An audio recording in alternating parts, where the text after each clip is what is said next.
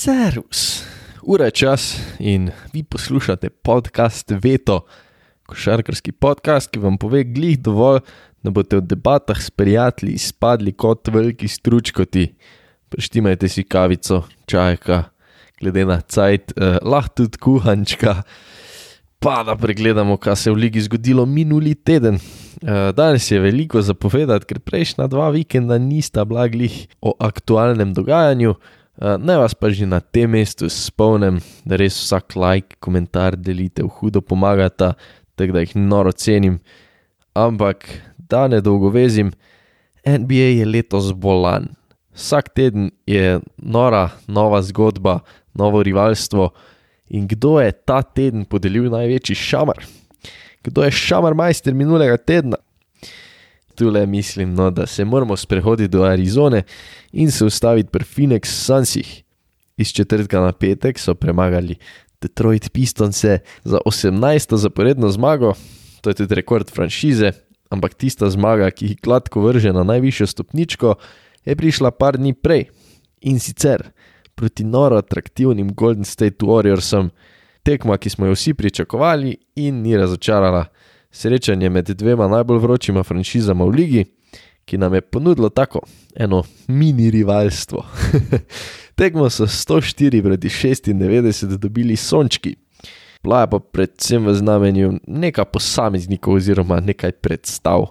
Napad Golden State Warriors je nad vodo z 28 pikami držal Jordan Poole, ker Steph Curry, trenutni jasni favorit za osvojitev MVP nagrade, je Stef je zasmradil dvorano in imel procentualno enega svojih najslabših večerov ever. Šef Curry je proti Sansom metal 19 odstotno in dosegel le 12 točk. Čeprav Štefu ni šlo, je tu le treba se predvsem pokloniti branilcem Phoenixa, ki so za to poskrbeli. V prvi vrsti tu le cilam na Mikela Bridgesa, en najjačih obrambnih igralcev v ligi, uh, teroriziral je v bistvu s svojimi temi dolgimi rokami, dobrim pričakovanjem, uh, zapiral je možnosti podaj, uh, možnosti, ki so se kar jih ponudile. Pač Bridges ne, je dodal samo dve piki, samo dve točki, ampak bil je najboljši igralec na igrišču, imel je štiri ukradene žoge, blokado, končal z najvišjim plus minusom na tekmi, plus 21. Si je pa to mesto, plus 21, to prvo mesto delil s Krisom Polom še enim, ki vsako leto dokazuje, da je klasa. Point God, 15 točk, 11 asistent, 5 ukradenih žog. Obrambna elita, še vedno, pri svojih uh, eh, 69 letih. Poleg tega je imel Chris Paul uh, en zelo, zelo seksi move, um, tak rolling fade away jumper, zelo, zelo všečno. Priporočam, da si ga pogledate.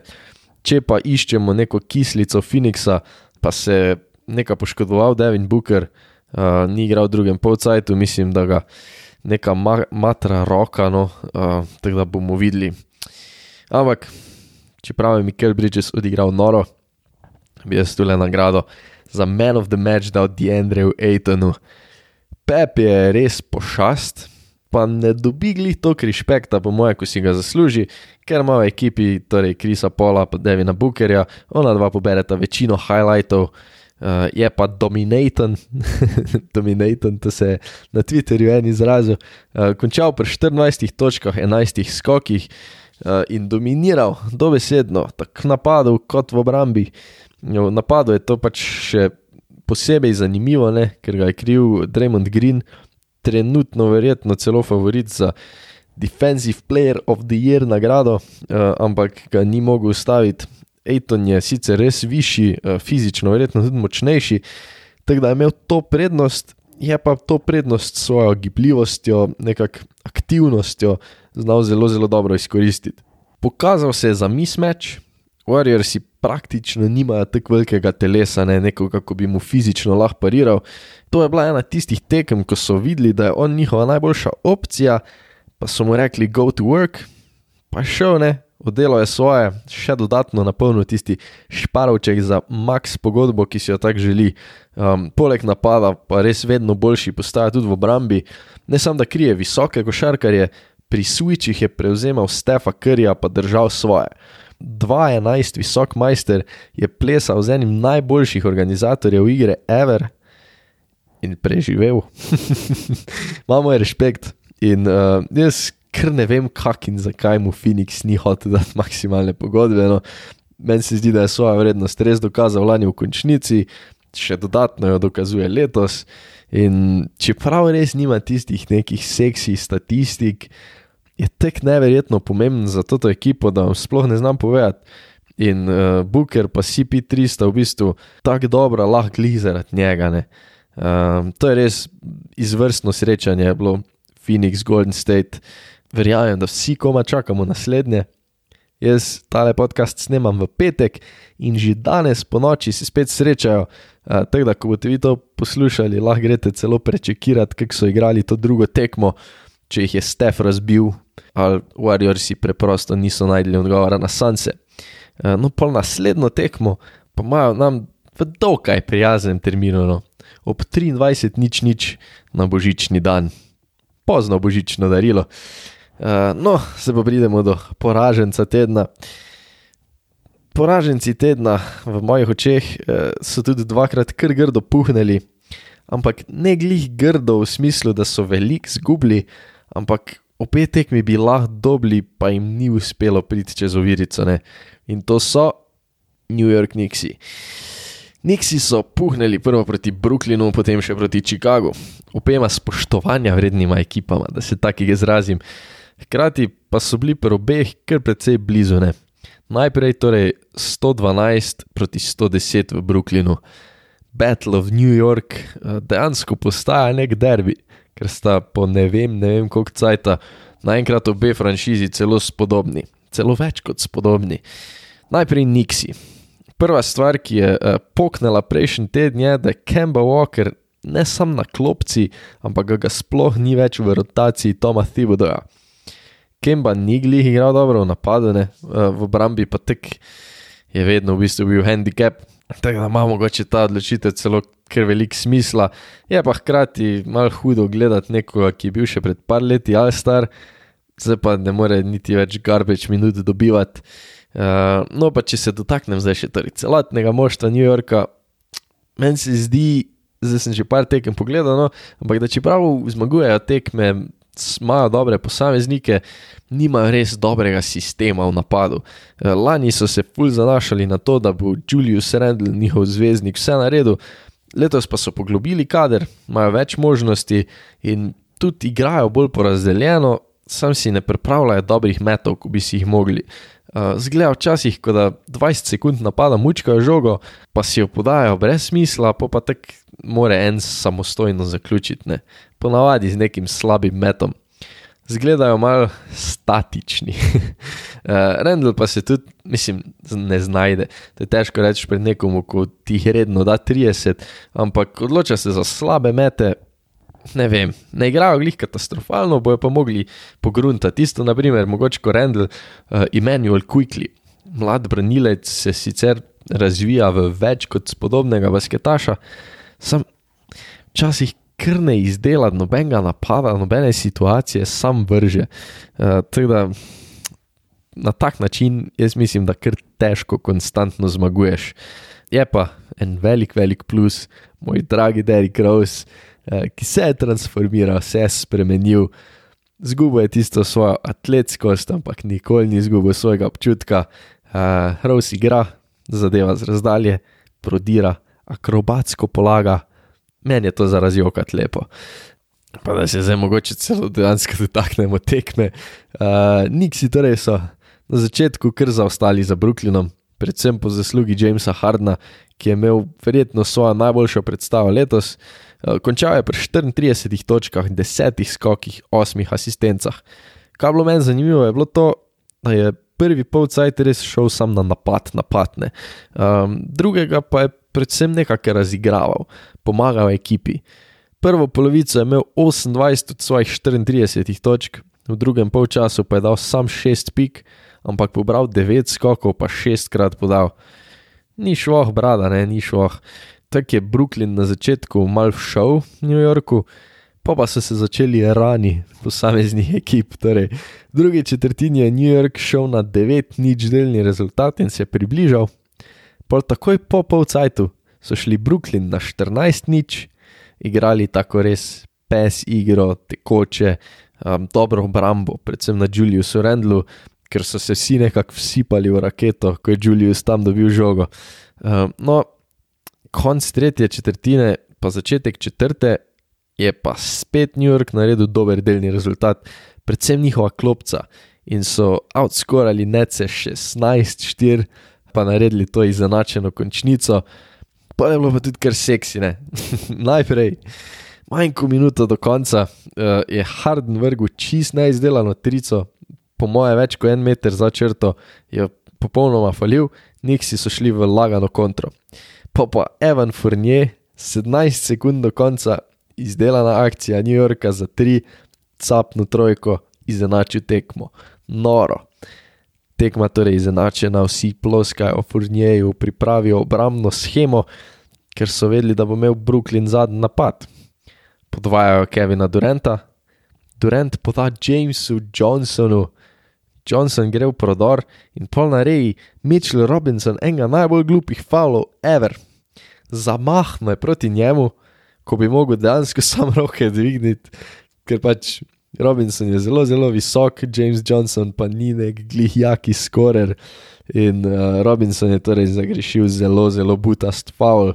Johnson je skinil oba svoja prosta meta, čeprav ni glih vrhunski izvajalec. In Brooklyn je zmagal.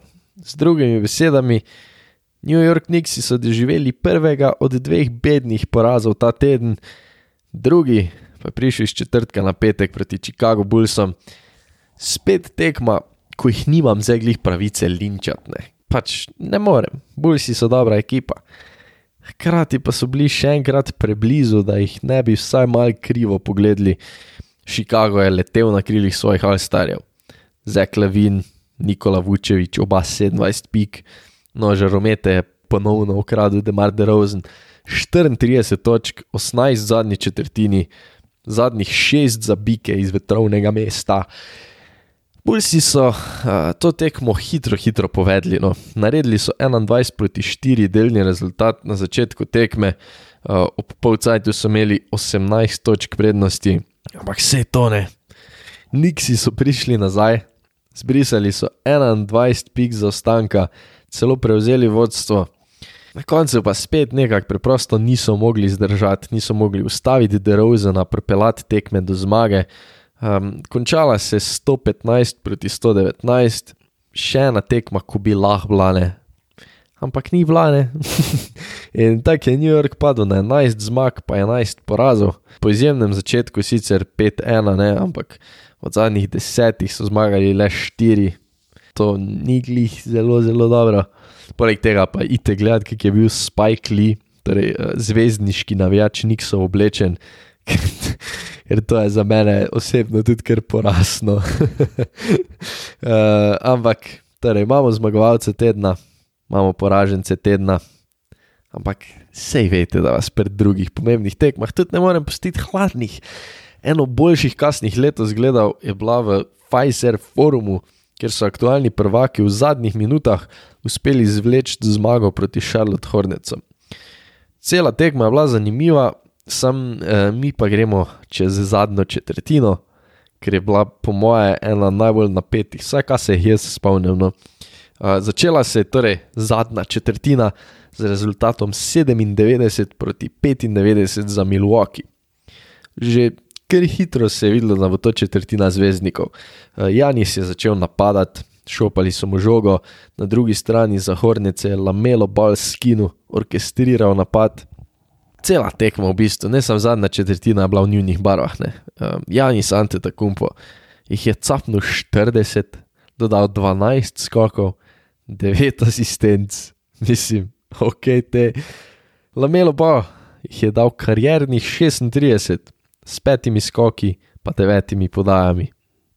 Od tega ne, jih je Greg Freak dal v tej zadnji četrtini, o kateri smo danes pogovarjali. V tej zadnji četrtini jih je Greg Freak dal 14, Bol jih je dal 16. V glavnem, nori predstavi od norih basketašov. Lamelo je dal prvih pet pik zadnje četrtine za Hornice. Enkrat je pol pomagal ustaviti Janisa, capave trice, overall je bil tak eh, takeover. Ni glih posiljeval stvari, no, vsaj meni se ni zdelo, ampak moramo pa tudi reči, da je imel zelo, zelo slabe tri turnoverje. In po mojem, tudi lahko nekaj s prstom na njih pokažemo, pa se vprašamo, če so jih mogoče pa stali tekme. Itak eh, niso izpostavljeni, ne, ker je toliko dobrih drugih stvari naredil, ampak eh, dvakrat je bal med prodorom, nekako preprosto mu šla žoga, enkrat jo je dobesedno podal v avtne. Kljub vsemu je imel lamelo ene tri greške v zadnji četrtini, je bila pa tekma skos noro izenačena. Ja, Janis je dal te zadnji četrtini, pa en putback dunk pod faulom. Uh, Gordon Hayward je v dveh zaporednih napadih blokiral nasprotnika. Miles Bridges je dvakrat res lepo premagal svojega branilca, pa šel polagati. In to nas je pripeljalo do vodstva Charlotte Hornetsov 122-120, manj kot minuto do konca. Kaj je sledilo? Torej 122-120 za Hornece, sledila je Middleton trica pa je sledila tista Lamelotova podaja v avt, torej grd turnover. Zatem je sledil Janisov faul v napadu. Pa je imel spet Charlotte napad, zajebali so ga in pol pusli kar mal dolgo, preden so faulirali. Potem so končno faulirali 8 sekund do konca in Middleton je skinul dva prosta meta.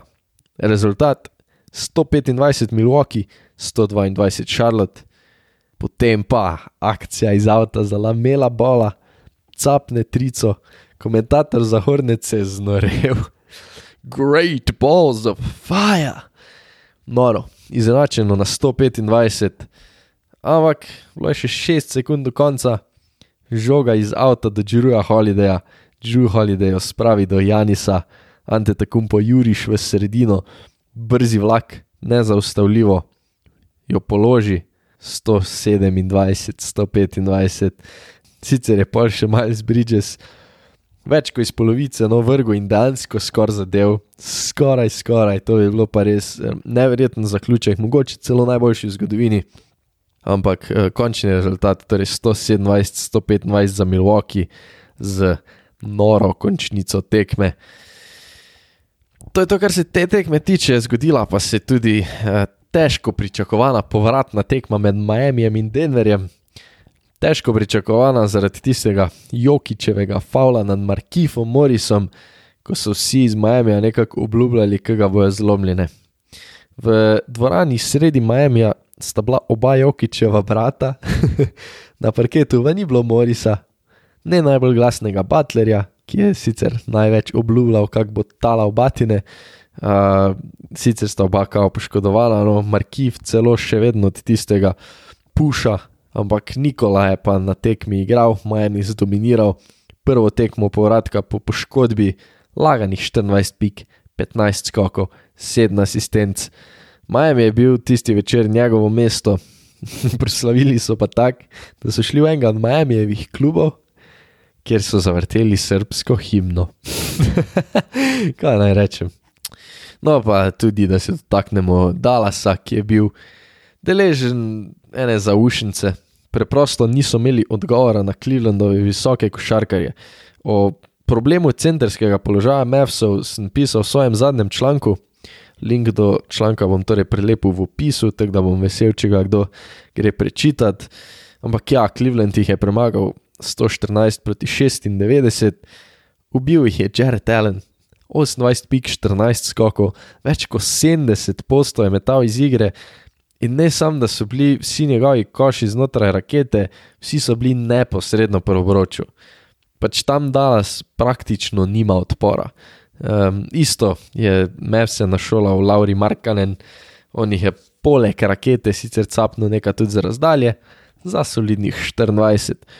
So pa pol uh, kasneje v tednu Mavericksi krepko premagali New Orleans Pelicans za več kot 30 pik, je pa na tisti uh, tekmi sicer Dončić dosegel tudi svoj stoti dvojni dvojček. Ampak Dallas kot celota je na tisti tekmi metal 69 odstotkov. to je fukjeno, tega ne bomo več videli. Ampak good for you, Dallas, bravo. Prišli smo skoraj do konca, čaka pa nas še speed round, kot vedno. Michael Porter Jr. gre na operacijo hrbta in je out za sezono. Glede na to, da je poleti podpisal maksimalno pogodbo, pa da je to druga hujša poškodba hrbta, jaz mislim, da lahko Denver kar skrbi, bomo pa videli, kako bo šla rehabilitacija. NS Kenter se je uradno preimenoval v NS Kenter Freedom, še en tot njegov stand, kar se tiče uh, pravic, človekovih pravic. Jaz mislim, da smo vsi za enakopravnost, vsi smo za človekove pravice, ampak uh, Kenter oziroma Freedom to pela spet do nekega ekstrema, ko mislim, da ni več glih dober, ko je že mogoče malo neokusen, um, neprestani komentarji, neko call-outanje um, v eno, v na nekih talk showih, ljudem pa pravi, oziroma jih celo disa, da ne smejo Združenih držav Amerike kritizirati, ker je the greatest country on earth. Mal takno, preveč. Potem Miami Heat, zvezdnik Bema Debajo je utrpel poškodbo palca oziroma dlani. Um, za vse, ki ste zdravstveni delavci ali pa veste, kaj je to, no, utrpel je strgan UCL v palcu, uh, gre na operacijo. Sicer naj ne bi bilo to nek season ending, naj ne bi bil več kot neka od oka dva meseca out, no, ampak ni glih za full vredi to ne. Uh, potem dobili smo tudi igralce meseca, Uh, zdaj, torej, ta prva nagrada je za, in za oktober, in za november, tega, ker pač oktober je bil manj kot polovica, ampak pričakovano, Steph Curry, Kevin Durant, uh, sta bila pa rukija meseca Evan Mobley za Cleveland in pa Gidi iz Oklahome, zanimivo, pa ko smo že v Oklahomi. Memphis je Oklahoma City Thunder povozil, dal v Rikverc, pa se še enkrat čez zapeljal Tekma se je končala 152-79, to je razlika 73 točk, kar je največ v zgodovini lige. Memphis je bil brez Džamorenta, svojega najboljšega igralca, in ja, Oklahoma je v procesu rebuilda, ampak tole je pa malo sramota. in to je to za danes. Hvala vsem, ki ste si vzeli čas. Naj se tu le mogoče že upravičim, drug teden ne bo povzetka vikenda, mogoče tudi ne članka, ker ima meni spit, tako da bom tisto proval redi pošlihtati, uh, se pa fiks čujemo na podkastu v soboto. Noro bom vesel, če se naročite na podcast, ga delite ali pa iz srca, te res iz duše priporočite kakmu prijatelju, ker to pomeni po moje kar največ. Vesel bom pa tudi, seveda, vseh komentarjev, vseh debat. Dobite me lahko na Facebook strani podcasta, na Instagramu. Zadnje cajte pa se celo trudim nekaj tvitati, tako da sem štart perajt tudi tam. Do naslednjega tedna, bodite fajn.